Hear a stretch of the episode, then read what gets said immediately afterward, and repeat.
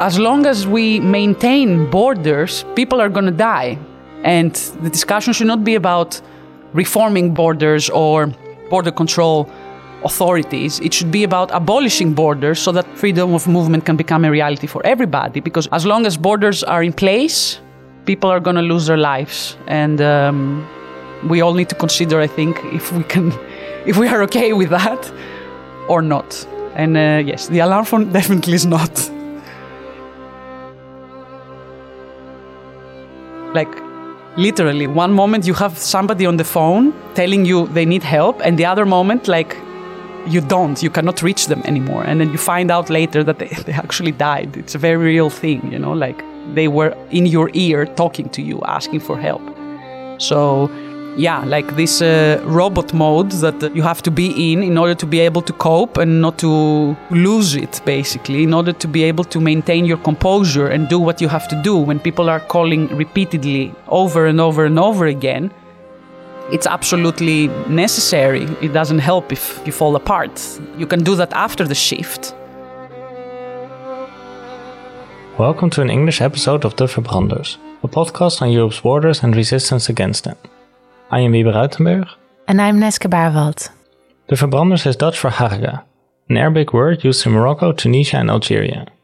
Harga literally means those who burn, and is used to speak of people who cross European borders without permission. It refers to the burning of identity papers. So those who do harga burn Europe's borders. Our guest today is Rosa from the Alarm Phone. The Alarm Phone is a hotline for people in distress on the Mediterranean Sea, run by activists in Europe and North Africa. We talked to Rosa about the situation at the Turkish Greek border. In the past few years, Greek authorities have increasingly pushed back people on the move, using more and more violence. This is happening both at sea, where Greek coast guards force people back into Turkish waters, and on the land, where the Greek border police detains people before driving them back to Turkey. Rosa explains how important the videos and testimonies of people on the move are in documenting these illegal practices of Greek and European authorities, and talks about the violent attempts of these authorities to prevent the people from doing their documentation work. We are curious about your thoughts about this episode. Leave a comment on our Instagram or Twitter, or email us at theverbranderspodcast at gmail.com. And if you want to know more about the alarm phone and the situation on the Mediterranean Sea, we recommend you to listen to our episodes with Sasha, with Anna, and with Diana and Hella. Enjoy.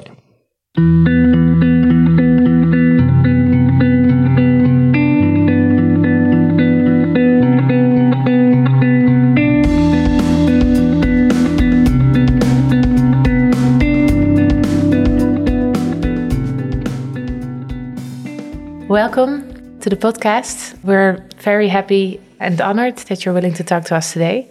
So, thank you. Thank you for having me. So, we're talking to you today about the work that you do with Alarm Phone. Could you perhaps talk a little bit about the Alarm Phone, what it is, and maybe also what its politics or main goal are? Mm-hmm. So, the Alarm Phone is a distress hotline for people at sea, people on the move. Some people call them migrants, other people call them refugees. We call them people on the move. We don't like to make these distinctions. They're trying to cross to Europe from different countries around the Mediterranean region, either, for example, escaping Libya or escaping Turkey, where there is no prospect of a good life. And during the journey, quite often they find themselves in distress.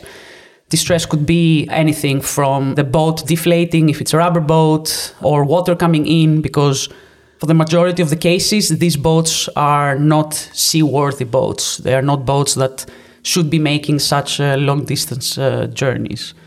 Uh, so we are always available to answer the calls. Of course, we don't have a boat ourselves. We cannot go there and rescue them. However, what we do is that we alert the competent authorities. We have to think of the Mediterranean as divided in very clearly delineated search and rescue zones. There is, for example, the Maltese search and rescue zone, a Greek search and rescue zone. So, depending on their GPS position, which they send us through their uh, smartphone or through a satellite phone, we see exactly which uh, country, which uh, authority is responsible for going there and performing the rescue. So, depending on where these people are, we call the responsible authority, which in turn has to go there and perform the rescue because it is their duty. It is also international law and it is also the law of the sea that any person that is in distress at sea has to be rescued and not only by the responsible authorities like the coast guards but also by nearby ships or boats so, like on the one hand, the work of the alarm phone is alerting authorities and pressuring them to go and perform the rescues. However, a very important pillar of our work is the documentation. We document in a lot of detail what is happening throughout each case, what calls have been made, which emails have been sent, tweets that have been tweeted, for example, photos that maybe the people in distress have sent us, or any other material that we have received. Everything is documented. And out of this documentation, we also produce reports. We try at least every six months to produce a regional report, as we call it, where we are presenting the situation in the months that have passed. We present numbers, we highlight some cases if necessary, and of course, we, we include a lot of critique towards the border regime. And um, Sometimes, depending on capacities, we also produce maps. For example, we recently produced for the Aegean region the Border Crimes website, as we call it, which is a report of more than one year of documentation of human rights violations and of pushbacks in the Aegean region. And we also included an interactive map where each case is a dot basically, where people can hover over and click on and find more information and even testimonies from the people uh, when it comes to this case. We call this uh, counter mapping. The people themselves play a very important role in this because they are the ones that are providing all the information, of course. We are just witnesses. The people on the move are the ones that are producing all these testimonies, all these materials of their experience. We are only there to document it and bring it forward so that the world knows what is going on in the Mediterranean. Yeah, we'll ask also later mm-hmm. on in the conversation. We'll go deeper into into this because we think it's really important. Mm-hmm. Uh, one thing that I wanted to highlight is I can imagine that it's very significant that in the Aegean Sea, in this area where you specialize in, that there's phone coverage there mm-hmm. as compared to the central Mediterranean. Can you talk about that? Yes. So in the central Mediterranean, the distance is very long. So when people leave Libya or Tunisia, there is no phone coverage. So people might have smartphones with them, but that doesn't mean that they're going to work. This is why the boats have at least one Thuraya phone with them. And Thuraya is like a, a satellite company. So it's satellite phones. These phones do not function as smartphones. So they can make phone calls and receive and send texts. However, they cannot transmit images. On the Aegean region, on the other hand, the Greek islands, Lesbos, Chios, Samos, Rhodos, they're very close to Turkey. So they're actually closer to Turkey than to Greece. Yeah, you can see Turkey from the islands. exactly. A good exactly. Day. So there is phone coverage there, and people can still use their smartphones, even to make live uh, transmissions of what is going on. So sometimes th- there have been cases where people were uploading live videos on Facebook about what was going on at that particular moment that they were in the boat. So the production of material and documentation from the people in the Aegean is quite uh, quite extensive. So me personally, yeah, if I am on shift, if I am behind the phone taking the calls, it could be a case, for example, in the Western Mediterranean region. So mm. on the crossing from Morocco to the Canary Islands, for example, or to Spain. It could also be a central Mediterranean case, so the crossing from Libya or Tunisia towards Malta or towards Italy, or it could be an Aegean case, so the crossing from Turkey to Greece. However, the background work that I'm involved in focuses mostly on the Aegean region, and that means the sea, so the region between Greece and Turkey which is called the Aegean Sea, where the majority of the Greek islands are, the Ionian Sea, which is in between Greece and uh, Italy, and also the land border between Greece and Turkey, which is a river that is more than 200 kilometers long. It's called Evros in Greek, and in uh, Turkish it is called Meric, and it is in the north of Greece. Yeah, so a lot has changed, I guess, in the Aegean context in the past few years. Could you maybe describe sort of the changes that you saw uh, from your perspective at the alarm phone of political developments, but also just developments of what happened on the sea? Mm-hmm. So I joined the alarm phone about two years ago. So I would say that during the first year, when we had distress cases in the Aegean region, we were calling Piraeus. So Piraeus is like a city close to Athens and it's the biggest port in Greece. And that is also the headquarters of the Greek Coast Guard. So the Joint Rescue and Coordination Center, so the center, the authority that coordinates rescue operations in the Aegean, is uh, based in Piraeus. So every time we called there, the officers, so the Greek Coast Guard operatives, were collaborating with us. You know, they were taking the calls as they would if it weren't a distress case of a migrant boat or a refugee boat. And then they would follow up by rescuing? Yes, exactly. So they would send uh, assets. I mean, assets are there anyway because it is a borderline between Greece and Turkey. They are there patrolling anyway. So there's constant presence of the Greek Coast Guard and of military vessels and even Frontex in that area. Yeah. So they are there anyway. Sometimes, you know, they even knew about, you know, the presence of boats. However, the fact that we were alerting them to a distress means that they need to go and investigate and proceed to a rescue operation. So they were doing that until the end of February 2020, more or less, when they stopped collaborating with us. They were just taking the information and then saying, yes, yes, yes, we will go and investigate. And then when we called them back like half an hour or one hour later for updates or to tell them that, hey, the people are still at sea, sometimes they have been saying, oh, there is no boat. Oh, we cannot give you any information. So, total lack of collaboration since February 2020. And also, no rescue operation was being launched to bring those people to safety.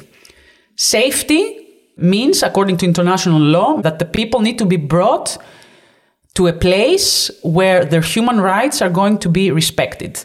If we go back to talking about the central Mediterranean, Libya is not a safe place. So rescuing people and bringing them back to Libya is actually illegal according to international law. Returning to the Aegean case, if the people are in Greek territorial waters and the Greek Coast Guard is uh, informed, they are obliged to bring them to Greece. If they happen to be in Turkish waters, then the Turkish Coast Guard is the responsible authority and they are obliged to bring them to Turkey. What the Greek Coast Guard has been doing is that they have not been responding to the distress call and they have been doing pushbacks. Pushback means that when a boat is in Greek territorial waters, for example, in Greek search and rescue zone, the Greek Coast Guard has been either towing it back to Turkish search and rescue zone or uh, transporting them into life rafts and then bringing them into Turkish search and rescue zone and abandoning them there so that the Turkish Coast Guard would pick them up. Pushbacks are illegal. It is the principle of non refoulement. Pushback is basically um, a more common term for refoulement. And for more than a year, we have been seeing the Greek Coast Guard committing them continuously. There have also been cases where people have arrived on the islands, so where the boat is not still at sea, but has actually made it. And there have been cases where the Greek Coast Guard basically abducted the people, mostly during the night. So they have been using the darkness to their advantage and putting them on life rafts and sending them back to Turkish waters. And in the case of the Evros Meric uh, border um, on the land between Greece and Turkey, they have been arresting them, beating them, stealing their possessions, and then they were returning them on the river. Most of the time, they have been abandoning them on little islets on the river. So there are small islets, like not real islands, but pieces of land inside the river. In some cases, these islets belong to the Greek side, and in other cases, they belong to the Turkish side. So the Greek uh, border guards have been abandoning them there without food, without water, without their phones, which they had stolen so that the people could not produce any kind of evidence of what had happened and just let them to their fate, basically.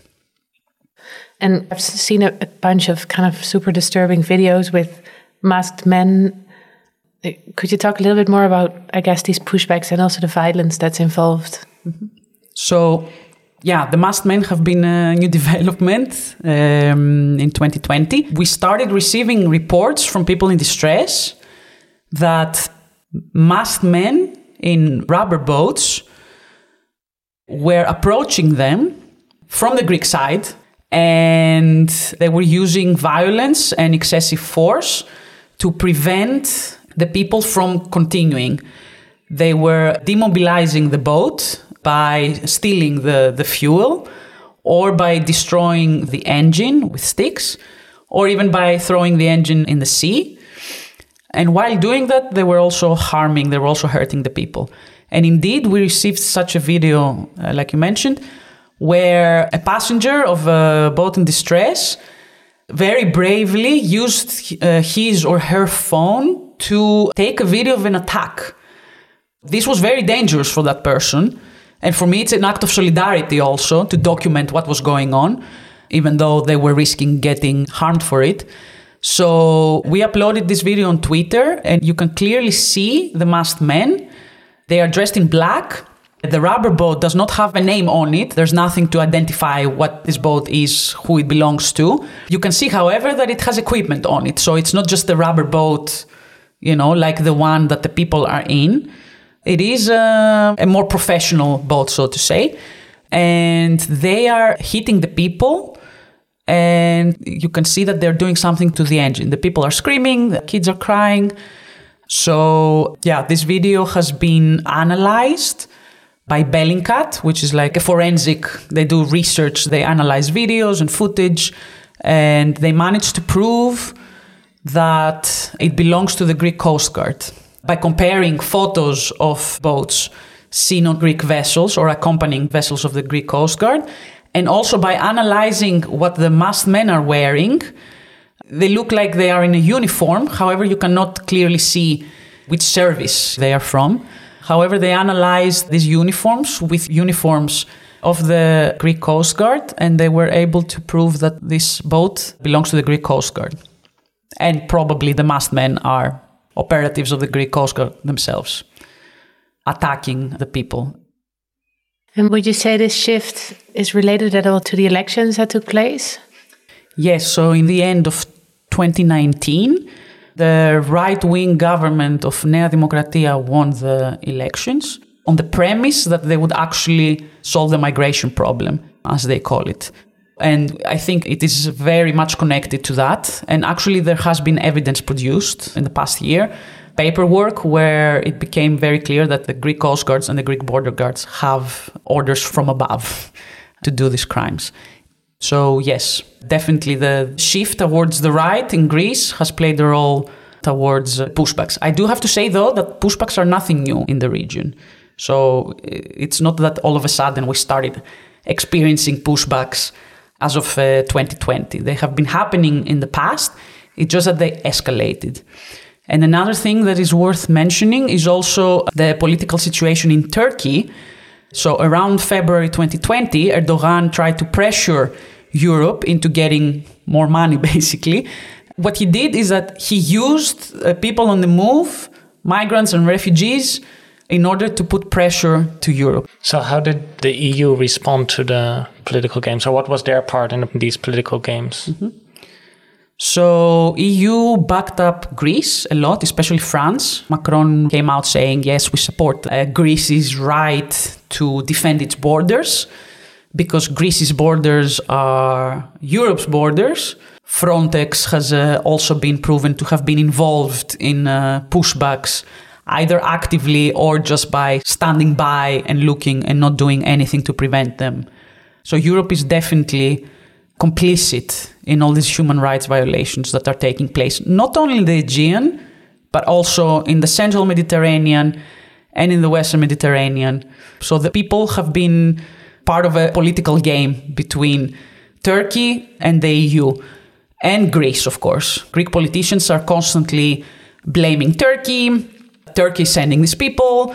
We are not doing pushbacks, no human rights violations. It is Turkey's fault. Turkey is a safe country. They use this argument that these people should not be coming to Europe because Turkey is safe. Why do you want to come to Europe? This is not the case, however. The people are clearly telling us there is no life for them in Turkey. They cannot send their children to school. They get no money from the government. They cannot find jobs. So for them, staying there is definitely not an option. And of course, we need to challenge this concept of safety because a safe country is not just a country where no war is taking place. A safe country is a country that can provide for all its uh, residents, basically. And to take it one step further, Greece is also a safe country. However, in the past 10 years, almost 1 million Greek people left Greece to go someplace else.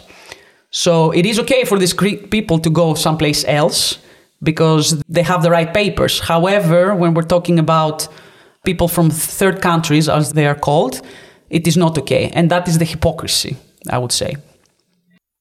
So, when this context is changing as much as you're describing, how did you respond to that as Alarmphone? Like, how did that change the kind of work that you're doing and the kind of work that you put focus on as well?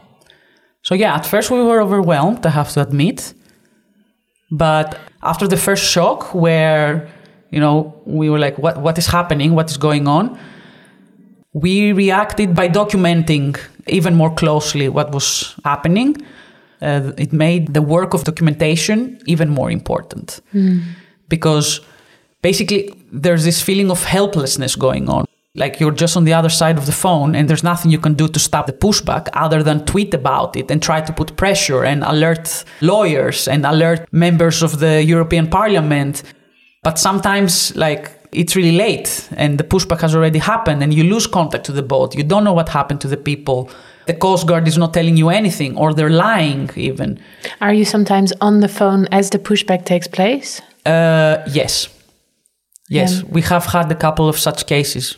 But like I said, most of the time the people are being stripped of their phones. Yeah, yeah. They're very meticulous in ensuring that there is no evidence of what is going on.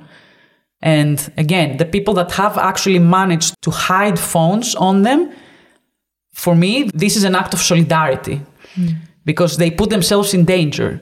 And that was also another difficult situation for us. When you know that the pushback is happening, do you actually inform the public about it?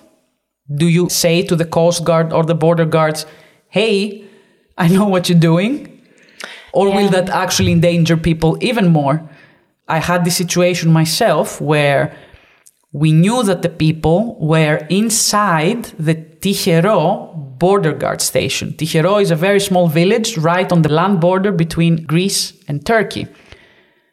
One person managed to keep one phone with them, and she was sending us videos and pictures from inside the cell. There were 50 people in total. So she sent us the GPS position. We published it online, and soon after, someone from forensic architecture, which like Bellingcat are doing investigative uh, research and they reconstruct cases of pushbacks and violence. So this person actually told us on Twitter that, hey, this position is actually the Tychero border guard station itself. And then I went on Google Maps and I set the street view and I could see myself that yes, it was. So the border guards, when I had them on the phone, they said, no, we have not seen 50 people. We haven't seen them. We don't know where they are. And I couldn't tell him at that moment that I know you have them there, you know, because I knew that they would go into the cell and they would hurt the people in order to find that phone, that device. Yeah. And then later on, we lost contact with them. They were put on a truck. And next time we heard from them, they were on the other side of the river in Turkey.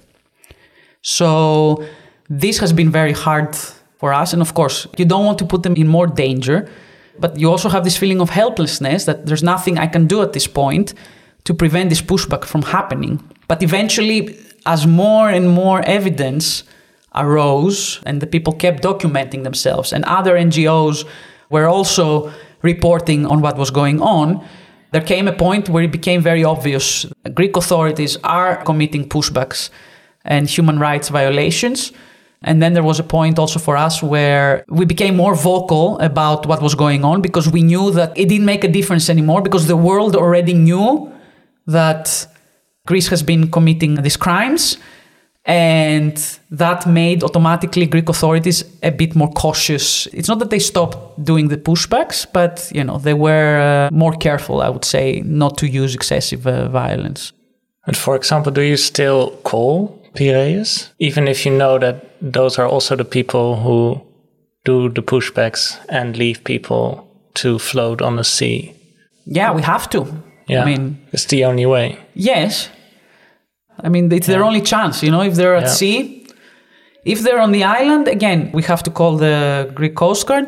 However, we also inform UNHCR always and Frontex. They're always on CC on our emails in the hope that somebody will intervene and prevent the pushback. Hmm.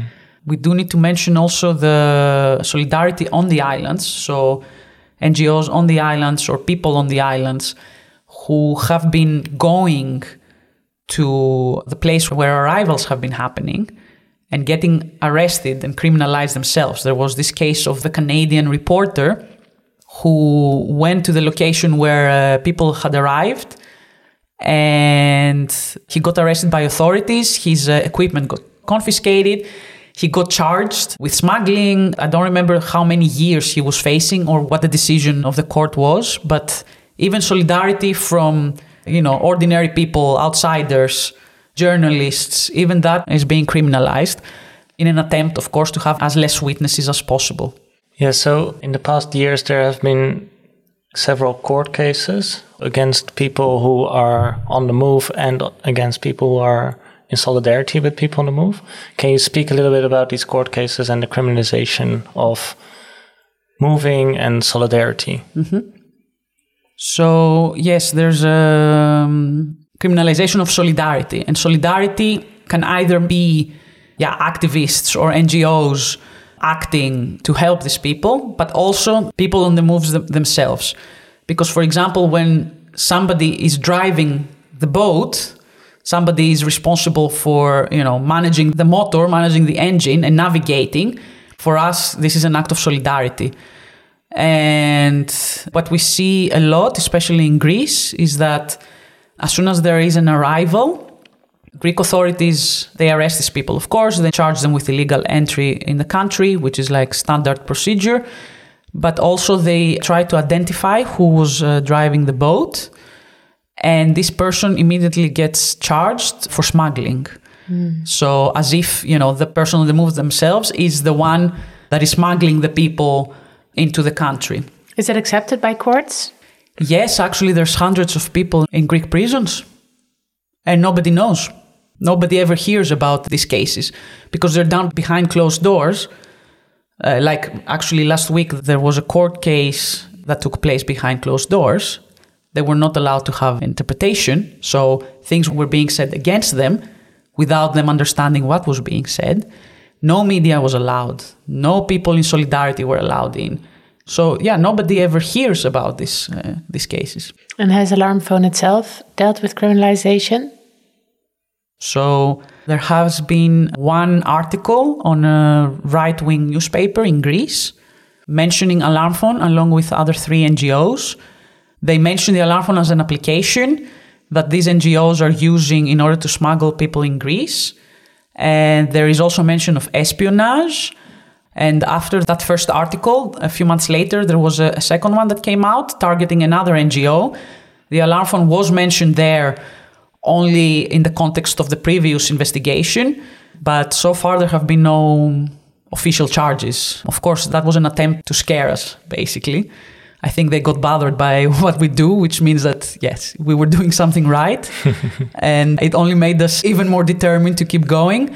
And we also published a press release about it where we clearly said the real crimes are not perpetrated by the alarm phone or the NGOs who are just documenting, you know, the public activity of the Coast Guards. You know, there's nothing wrong with that.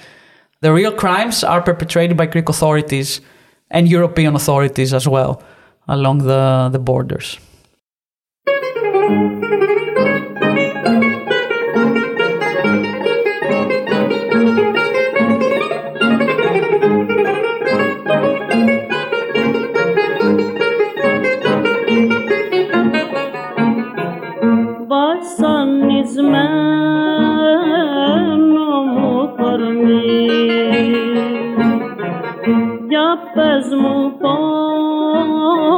σαν τα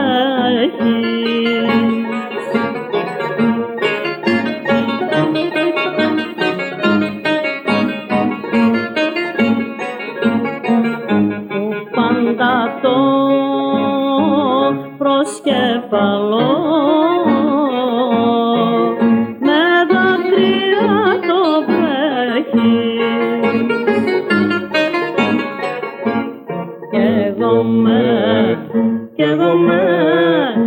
και ποιος θα με νιώσει Καίγομαι, καίγομαι ποιος θα με γλιτώσει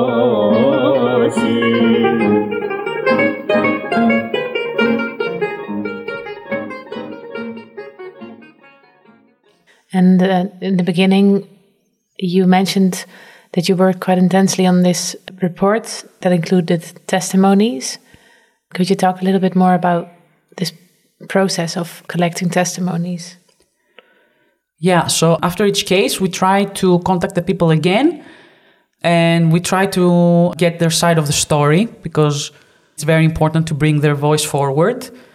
That's not always possible, unfortunately, because sometimes they don't have their phones with them anymore, we cannot reach them, or they never call us back. And most importantly, they're traumatized, so they're not able to speak. You know, like sharing a traumatic experience with somebody means that you are reliving, you are experiencing the trauma all over again. And considering that they are, you know, back in Turkey, for example, with no support, no access to lawyers or to psychologists, it's not the easiest thing. So we have to be very considerate and sensitive about that. However, there have been people that do understand that, okay, giving a testimony is not going to help me in this particular case. However, it will help other people in the future and have been very vocal about these experiences. And um, I have a testimony here with me that I could perhaps uh, read a part of. Yeah, please. So, this is the fourth case that we highlight on the report on the Border Crimes website uh, the Symi and Lesbos cases. So, the survivor told us it was the night from Sunday to Monday. We tried to reach the island of Symi. On our boat, we were 41 people, all from Africa. I cannot say exactly the number of women and of men, but two of the women were pregnant. There were also three kids with us. We were driving between one and two hours, and when we reached the borderline, there was a huge ship of the Coast Guard. They were armed and they told us to stop. Our engine stopped then and could not be restarted. We asked them for help, but they only shouted, Go back, go back. They started to create big waves to make our boat return backwards by itself. The engine was anyway stopped, and so they left us there and watched from a distance. We could then manage to restart the engine, and we went backwards towards Turkey.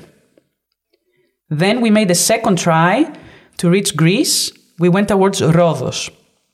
Not far from Rhodos, we were stopped again. This time there was a bigger boat. It stopped in a distance, so I could not see it clearly. It was still dark. They sent a smaller boat towards us. On this boat, there were men with masks and arms. They looked like ninjas, all black. They attacked us, shouting all the time on us.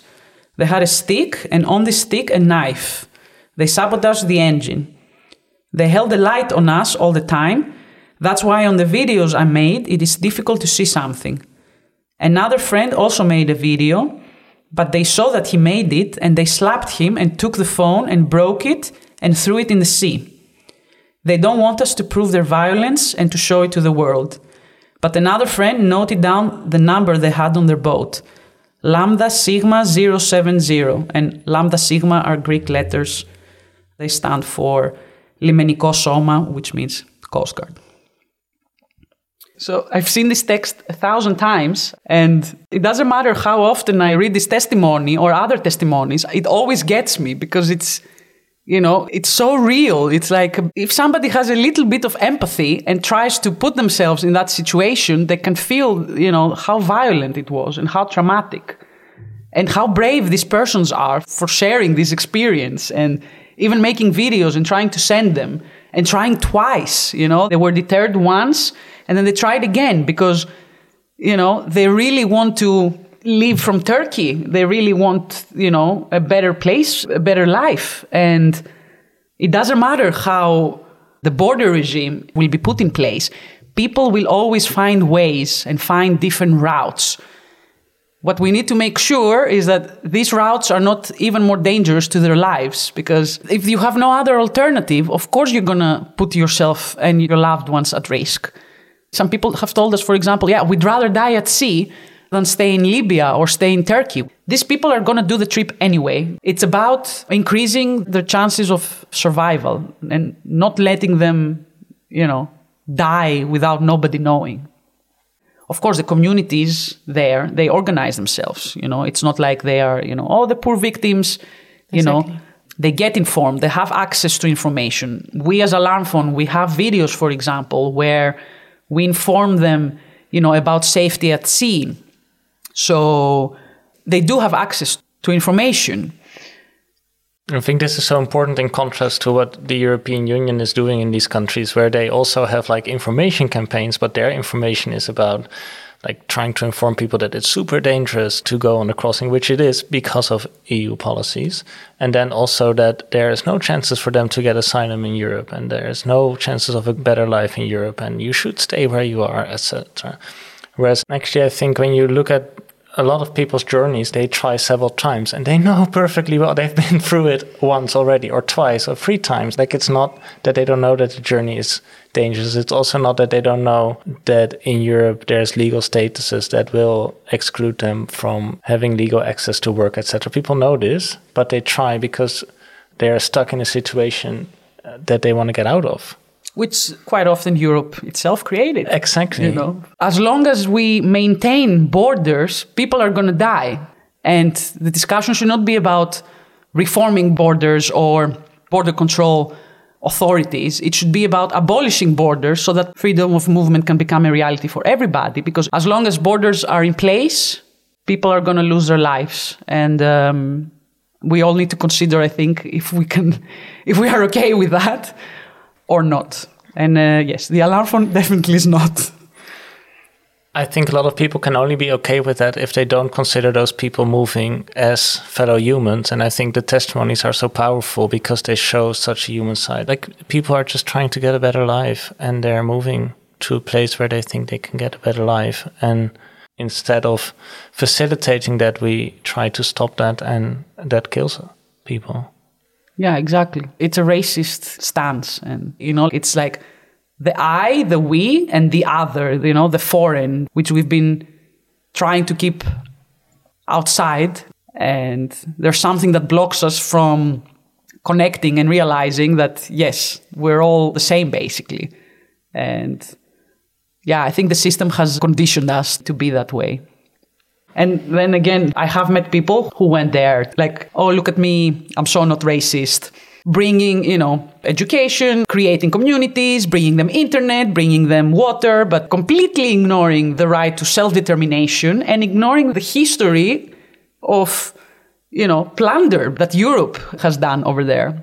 So we do need to keep that in mind that you know the white saviors going there and bringing salvation are not uh, Yeah, necessarily it has a history. Yeah. yeah Yeah, I think that's an important lesson for researchers as well. Yes. I think there's a, a lot of researchers who, out of their own interest in learning about, yeah, people kind of constituted as the other, do kind of move into communities quite easily with the expectation of being able to just learn about their situation with the expectation of people making time for you for that and the expectation of being able to like gather testimonies and listen to people's life stories without realizing that for a lot of people there's no benefit in sharing their stories in that way. And they've been asked to share their story a million times before and it's actually part of a kind of almost an extractive something where you're constantly have to prove your humanity where you constantly have to like tell your story and i think there's a lot of work to do in research communities to like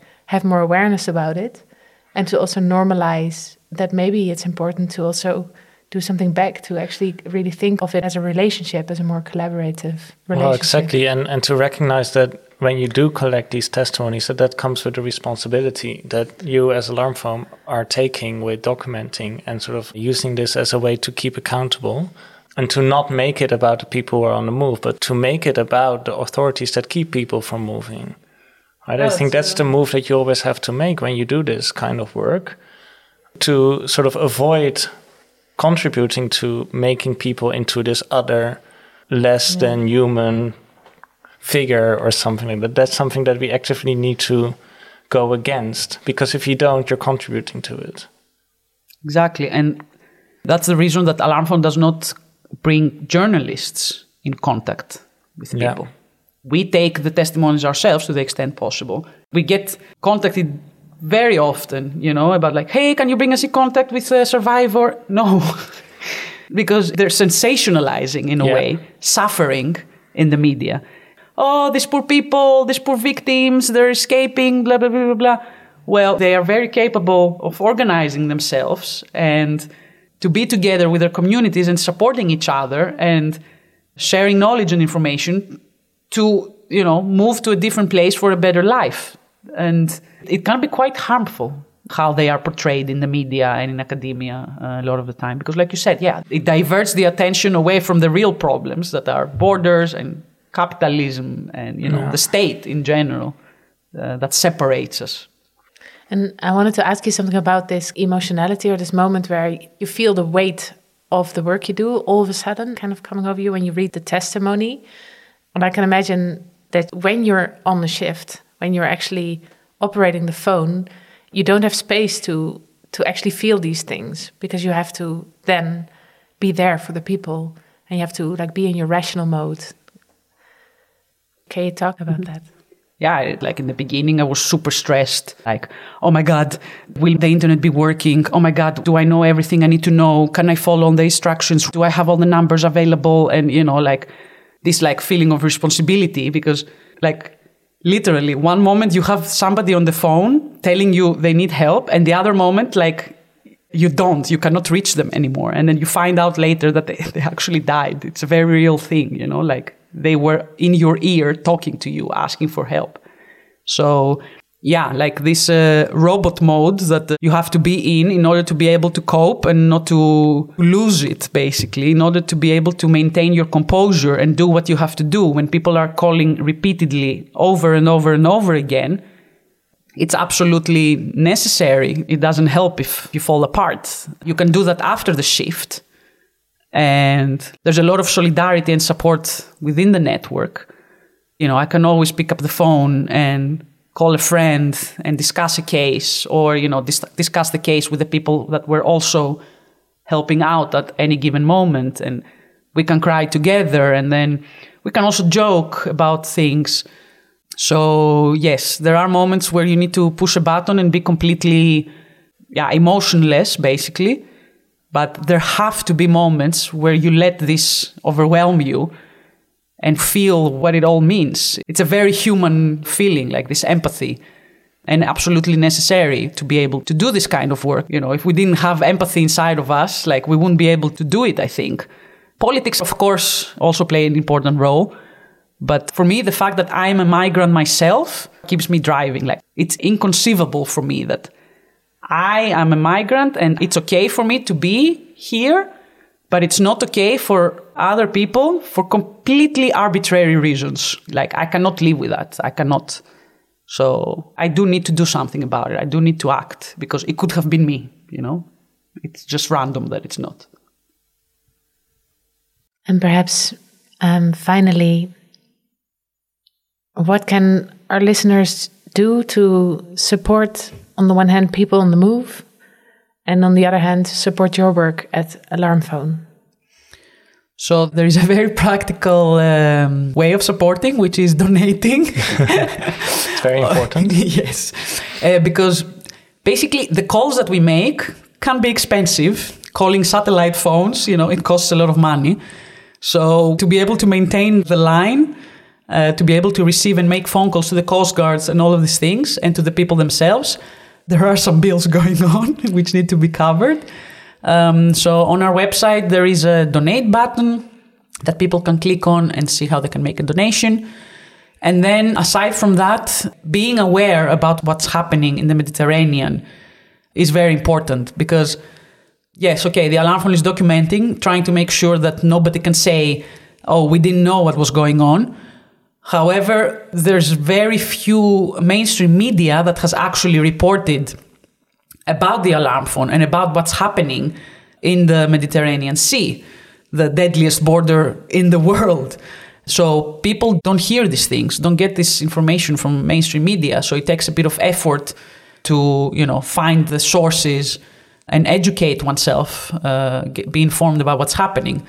So we use Twitter a lot, so people can follow us on Twitter and on Facebook. We even make posts from ongoing cases, you know, uh, events as they're happening at that particular moment. And of course, direct action would also be very helpful. So, you know, taking to the streets, demonstrations, participating in commemorations, as we call them. So there have been a lot of shipwrecks in the last few years, communities mourning members, families mourning relatives, bodies never found, and there can be no closure for these people. So whole communities are traumatized by such losses.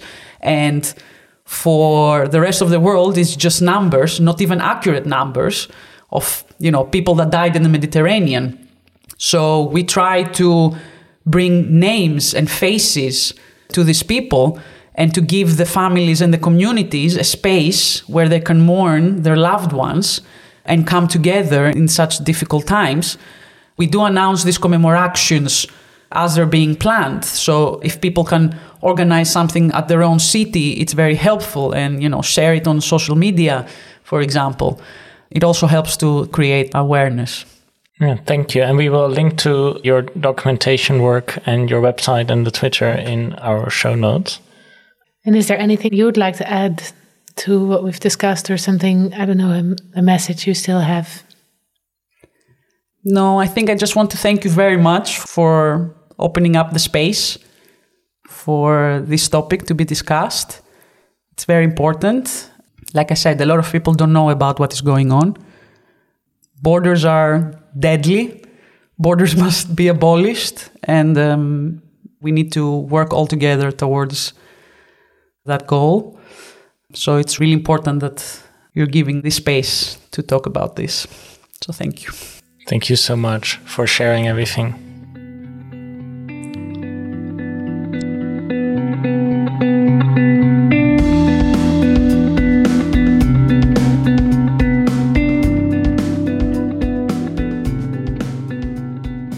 Before closing this episode, we would like to thank a few people, collectives, and organizations.